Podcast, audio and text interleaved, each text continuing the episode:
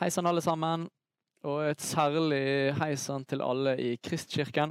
Jeg tenkte jeg måtte begynne i dag med å si det at jeg savner dere ordentlig. Det er utrolig rare tider vi er inne i. Jeg savner det å kunne klemme på dere. Jeg savner det å kunne ta folk i hånden. Savner det å kunne snakke og se hverandre inn i øynene. Være til stede. Jeg savner å høre dine historier om hva Jesus gjør i ditt liv. og jeg savner å kunne dele med deg mine historier.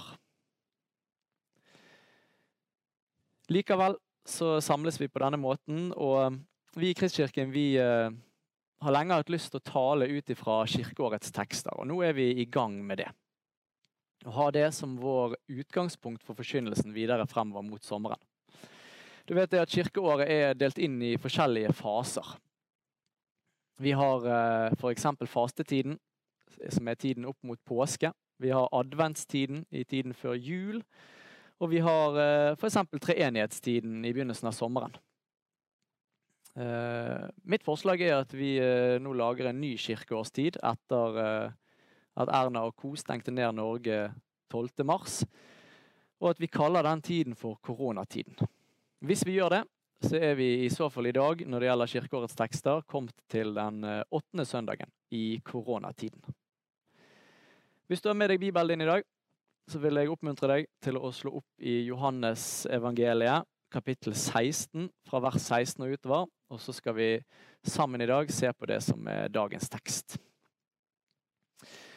I teksten vi skal lese, så er vi helt inne i slutten av Jesus sin avskjedstale til disiplene. Han ønsker å forberede dem på det at han skal dø. En voldsom død. Og han eh, ønsker å forberede dem på eh, å løfte blikket og se det håpet som kommer etterpå. Fordi at Han vil forklare dem det at han ikke bare skal dø, men òg stå opp igjen. Han vil prøve å trygge dem på det at de skal ikke bli etterlatt alene og farløse, men at han skal sende sin ånd til dem, talsmannen, Den hellige ånd, og at han skal lede dem videre. I dagens tekst så møter vi en uh, fortvilet forvirret og redd disippelflokk. Og Vi skal lese sammen fra Johannes evangeliet kapittel 16. I vers 16 så sier Jesus da Om en liten stund ser dere meg ikke lenger, men om en liten stund igjen skal dere se meg. Men da sa noen av disiplene til hverandre Hva mener han med å si om en liten stund ser dere meg ikke lenger, og om en liten stund igjen skal dere se meg? Og dette 'jeg går til far', hva mener han med 'om en liten stund'? Vi skjønner ikke hva han snakker om. Jesus visste at de ville spørre han, og han sa, 'Snakker dere om det jeg sa?' Om en liten stund ser dere meg ikke lenger, men om en liten stund igjen skal dere se meg. Sannelig, sannelig, jeg sier dere. Dere skal gråte og klage, men verden skal glede seg.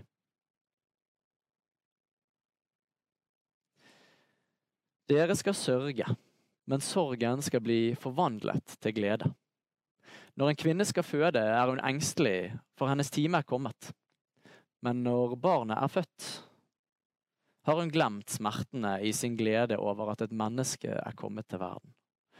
Også dere er engstelige nå, men jeg skal se dere igjen. Og hjertet deres skal glede seg, og ingen skal få ta gleden fra dere. Har du noen gang vært i en situasjon som har gjort deg redd eller engstelig? Har du noen gang vært i en situasjon som har gjort deg ordentlig bekymret, uten noe mulighet for at du kan gjøre noe som helst med situasjonen du er i? Det eneste du kanskje har kunnet gjøre, er å vente. Har du opplevd den lettelsen som kommer når situasjonen endelig går over eh, og løser seg? Sommeren for ti år siden havnet jeg i en sånn situasjon. Det vil si, jeg var egentlig direkte skyld i at situasjonen oppsto ca. ni måneder før. For det var Miriam, min kone, som skulle føde vårt første barn. Jeg ante ikke hva jeg gikk til. Og jeg husker fortsatt den maktesløse følelsen jeg hadde mens hun hadde rier, og mens vi var på kvinneklinikken. Det var ingenting jeg kunne gjøre for å få denne situasjonen til å gå fortere over. Og det var ingenting jeg kunne gjøre for at hun skulle ha mindre smerter. Situasjonen var på mange måter helt utenfor min kontroll. Det eneste jeg kunne gjøre, var å gå og hente glass med saft og holde henne i hånden og vente. Du vet, Det fortvilende med en fødsel er jo det her at du kommer jo ikke utenom. Det er ingen sånn nødbremse du kan trekke i og si at 'hallo, folkens, nå vil jeg av'. Stopp denne fødselen. Nå vil jeg ikke mer. Nei, barnet må ut. Og vi kunne ikke gi oss før vi var helt ferdig. Her var det bare å være tålmodig og vente. Men samtidig, i det øyeblikket der Lea kom ut, så snudde stemningen i rommet på ett sekund. For en glede. For en lettelse. Smerten var glemt. Miriam presterte faktisk å si 'dette kan jeg gjøre igjen', i det øyeblikket Lea ble lagt opp til brystet hennes. Og Det er jo ikke tilfeldig at Jesus bruker et bilde av fødsel når han skal forklare disiplene hvordan deres sorg og deres engstelse skal bli snudd til glede. Setningen Jesus bruker 'hennes time er kommet', peker jo på det faktum at for 2000 år siden i Israel så var barseldød den desidert hyppigste dødsårsaken til unge kvinner. Det var på ingen måte sikkert at du ville overleve en fødsel. Men tenk da på den gleden når fødselen er over. Ikke bare gleden over å få et friskt barn, men den reelle gleden over at du faktisk har overlevd. Jeg har lyst til å prate litt med deg i dag om de tankene Gud har for oss i denne tiden som vi er akkurat nå. Under overskriften 'Sorgen skal bli til glede'. Så Gud, jeg ber at du må komme akkurat nå med din ånd over oss. At du må åpne hjertene våre, og at du må tale ditt ord inn i våre hjerter, sånn at vi kan ha liv i deg. Amen. Jesus visste jo det, at disiplene ville oppleve stor sorg, stor smerte og fortvilelse når han skulle dø. Og Derfor sier Jesus i dagens tekst i vers 20.: Dere skal gråte og klage, men verden skal glede seg. Dere skal sørge. Han visste at de, midt oppi den situasjonen, ikke ville klare å se det store bildet.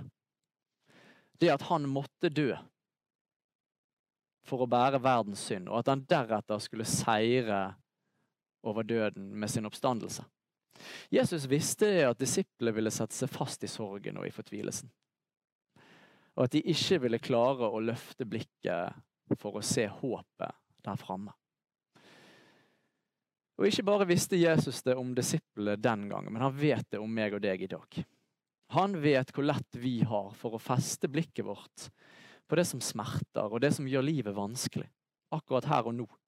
Jesus vet hvor jordiske vi er knyttet. Derfor sier han videre i vers 20, ja, dere skal sørge. Men, sier han, sorgen skal bli forvandlet til glede.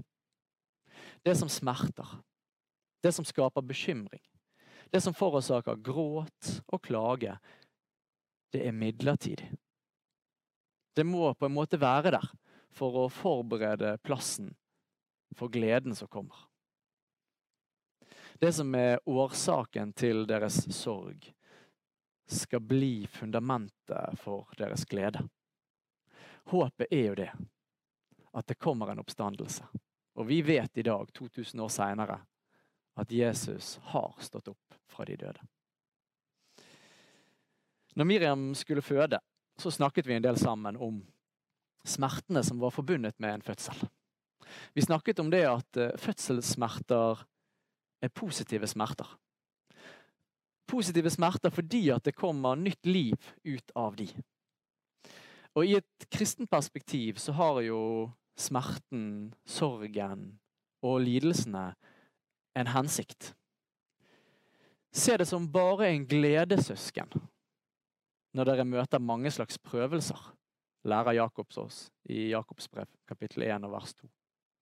Og så sier han videre, for dere vet at når troen blir prøvet, skaper det utholdenhet. Fordi at det som er årsaken til din sorg og smerte, skal òg bli fundamentet for din glede. Og Videre ser vi at Peter skriver akkurat det samme i sitt første brev. Fra vers 3 så skriver han Lovet være Gud, vår Herre Jesu Kristi Far. Han som i sin rike miskunn har født oss på ny til et levende håp ved Jesu Kristi oppstandelse fra de døde. Til en arv som aldri forgår, aldri skitnes til og aldri visner. Den, altså arven, er gjemt i himmelen for dere. Dere som i Guds kraft blir bevart ved tro, så dere når frem til frelsen. Den ligger alt ferdig til å bli åpenbart ved tidens ende. Og så skriver Peter videre i vers 6. Derfor. Og så peker han tilbake på alt det som han har sagt om håpet, om frelsen, om oppstandelsen og det evige livet. Og så sier han derfor kan dere juble av glede, selv om dere nå i en kort tid, om så må være, har det tungt i mange slags prøvelser. Slik blir troen deres prøvet. Selv forgjengelig gull blir prøvet i ild. Troen, som er mye mer verd, må også prøves, så den kan bli til pris og herlighet og ære for dere når Jesus Kristus åpenbarer seg. Peter sier, derfor kan dere juble av glede, selv om dere nå en kort tid har det tungt i mange slags prøvelser. Du vet, Mitt og ditt perspektiv er gjerne det at, at det vanskelige som jeg går igjennom akkurat nå, det føles som om det varer i en evighet. Men Gud omtaler de prøvelsene som vi møter på denne siden av evigheten, som om det var en kort tid. Vi ser situasjonen fra midten av stormen. Vi er midt oppi det. Vi kjenner det på kroppen. Vi føler stormen. De som har hår, merker at vinden tar tak i håret. Men Gud ser situasjonen ovenifra. Gud ser situasjonen utenifra. Og Gud ser situasjonen med et blikk som strekker seg mye lenger enn vårt. Han ser helt inn i evigheten. Gud vet hva som venter oss etterpå. Det handler om å ha de rette perspektivene. Og Min bønn er at vi må få Guds perspektiver på de utfordringene vi møter i livet. Når Goliat kom mot uh, israelittene, så tenkte soldatene han der er så stor at vi aldri kommer til å klare å ta livet av han. David så på samme kjempen og hadde et annet perspektiv. Han tenkte han der er så stor at han kommer jeg aldri til å bomme på.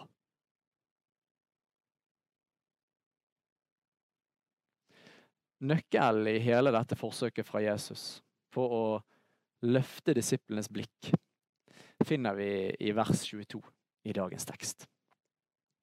Der sier Jesus, også dere er engstelige nå, men jeg skal se dere igjen og hjertet deres skal glede seg, og ingen skal ta gleden fra dere. Men jeg skal se dere igjen, sier Jesus. Og da skal gleden komme. Gleden skjønner du, den kommer i møte med Han. Gleden kommer når vi ser at Han lever. Gleden kommer når vi ser at Han har seiret over døden. Gleden kommer når vi griper den enorme kjærligheten som han har til oss i dag. Da fylles håpet vårt med en visshet. I møte med Han, ansikt til ansikt, så er hans løfte at hjertet vårt skal fylles med glede, og at den gleden som vi fylles med, skal være umulig å ta bort. Gleden som vi har i de ytre tingene, vet du, i penger, i posisjon, i helse. De kan bli tatt vekk på et øyeblikk. Men gledens i Han, den er fundert på et fjell som aldri rokkes. Vi kan si det sammen med David i Salme 62. Bare hos Gud skal jeg være stille. Fra Han kommer mitt håp. Bare Han er min klippe og min frelse og mitt vern. Jeg skal ikke vakle. Hos Gud er min frelse og min ære. Min mektige klippe, min tilflukt er hos Gud.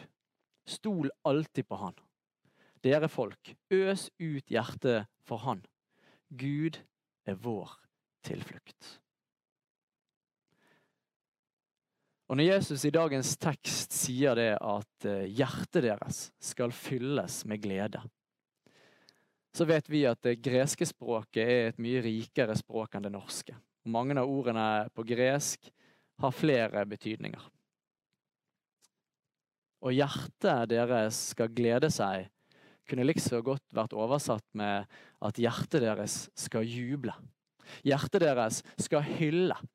Hjertet deres skal blomstre. Og hjertet deres skal være tilfredsstilt. Og dette, at gleden skal være umulig å ta bort, ser vi så tydelig i disiplene sitt liv. Etter at de har møtt den oppstandende Jesus. Selv i alle deres prøvelser, selv i alle de forfølgelser de opplevde, så hadde de et større håp for øyet. Og Vi ser det med de første disiplene, f.eks. i apostelgjerningene 5. De har blitt arrestert og de har blitt pisket i Jerusalem. Og når de blir sluppet fri, så står det om dem at de gledet seg over at de var funnet verdig til å bli vanæret for navnets skyld. Og Vi ser det med Paulus og Silas i apostelgjerningene 16, når de har blitt plassert i fangehullet. Vi ser at de synger lovsanger til Gud. Vi ser at hjertet deres er fylt med hyllest til Gud. Vi ser at hjertet deres blomstrer midt i prøvelsene. Midt i sorgen, midt i smerten, midt i bekymringen, midt i uroen, så har de en glede i Han som aldri rokkes. Du vet, Deres møte med den oppstandende Jesus satte en tro i dem som var større enn problemene de møtte. Og Min dypeste lengsel i livet er jo akkurat det. At Jesus skal møte meg, og at jeg skal få være så fylt av Han. At mine omstendigheter preges av Han, istedenfor at jeg preges av omstendighetene. Lengter du etter det samme? Visste du det at en porselensvase Når den blir laget, så ser den helt ut som en vanlig ruglete leirkrukke.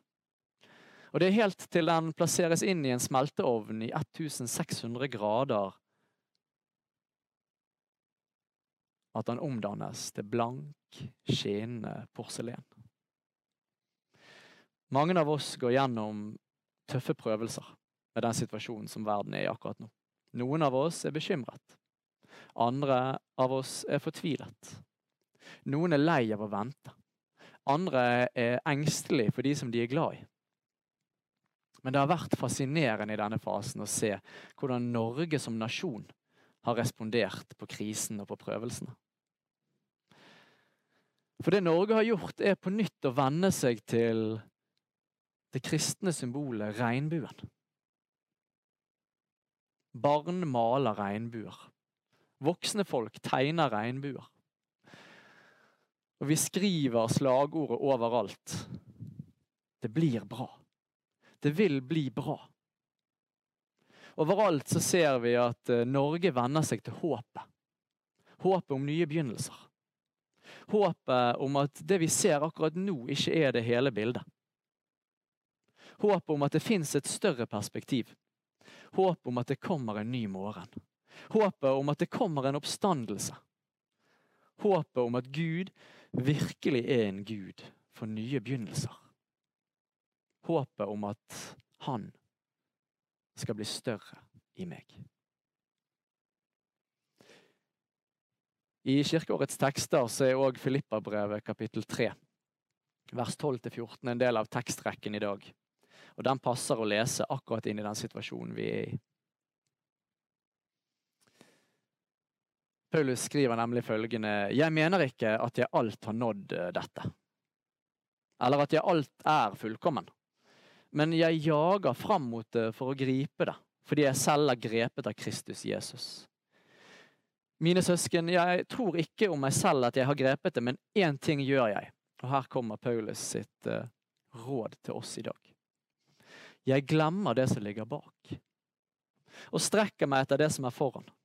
Og jager mot målet, mot den seiersprisen som Gud fra det høye har kalt oss til i Kristus Jesus. Løft blikket mot håpet. Løft blikket mot Jesus. Sånn at hans perspektiv blir mitt og ditt perspektiv. I 1924 så var det to klatrere som var del av en større ekspedisjon. Som satte ut for å bestige Mount Everest. Så vidt vi vet, så nådde de aldri toppen. Og de returnerte heller aldri. Et eller annet sted på det gigantiske fjellet ble de overmannet av elementene og omkom. Etter den mislykkede operasjonen og ekspedisjonen returnerte resten av gruppen hjem. Og mens han talte til et stort møte i London, beskrev en av de overlevende det skjebnesvangre eventyret for publikum. Så snudde han seg midt i talen sin mot et stort fotografi av Mount Everest som var plassert på veggen bak han. Everest, ropte han mot bildet. Vi prøvde å overvinne deg en gang, men du slo oss ned. Vi prøvde å overvinne deg en annen gang, men igjen var du for mye for oss. Men Everest, jeg vil at du skal vite dette, sa han. Vi kommer til å beseire deg til slutt. For du kan ikke vokse deg noe større. Men det kan vi. Så Gud, akkurat nå ber vi deg om at du må komme med din ånd over oss og hjelpe oss å løfte blikket. Fyll oss med håp. Hjelp oss å klenge oss i tillit til deg. Jesus, du er vår klippe midt i den tiden vi står i. Og jeg ber for alle oss som hører på nå, at du må dra oss enda tettere inn til deg. Og åpne opp ørene våre, så vi kan høre dine ord. Amen.